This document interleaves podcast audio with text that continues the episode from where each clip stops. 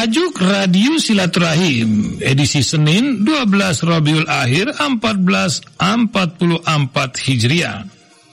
Bertepatan dengan 7 November 2022 diberi judul dari Jakarta, Medan terus ke seluruh Indonesia. Sebuah tulisan Holis Majdi.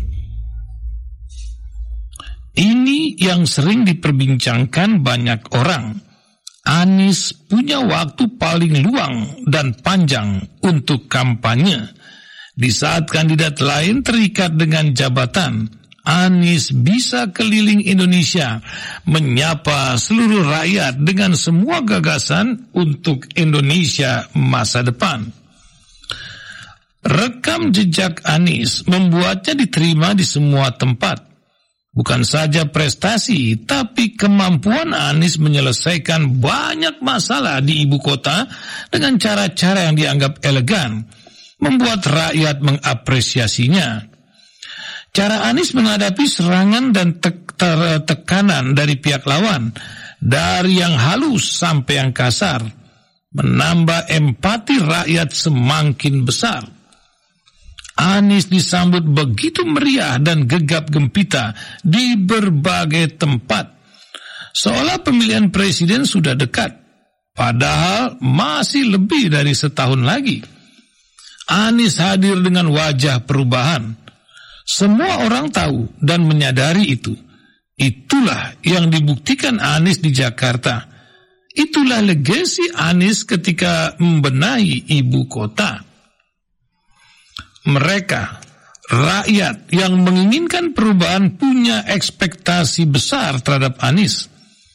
Anies pasti paham bahwa pemilu masih lama. Dia pasti atur napas agar tenaganya cukup untuk menjangkau rakyat di seluruh tanah air. Gagasan-gagasan yang diungkapkan Anies masih terbatas dan diatur ritmenya agar tidak mudah dibaca lebih awal oleh lawan kemudian di, di, di, diplagiasi atau dicari kelemahannya.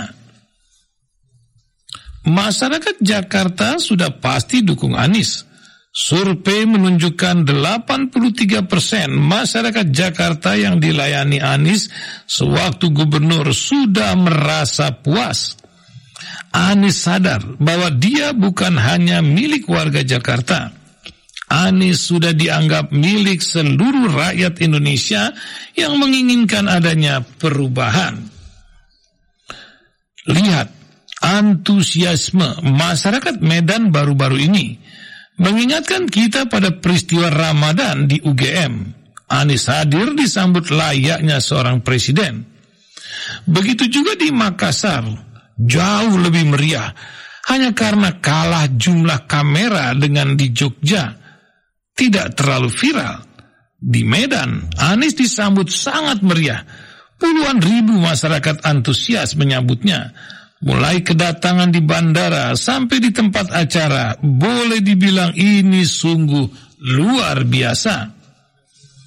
Sambutan di Medan mematahkan asumsi bahwa Anies selesai gubernur sudah tidak punya panggung lagi. Kenyataannya justru sebaliknya. Panggung Anies lebih lebar dan lebih tinggi.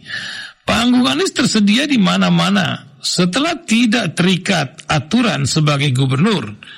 Anies punya keleluasaan waktu. Anies juga bisa bicara dalam posisinya sebagai kandidat calon presiden.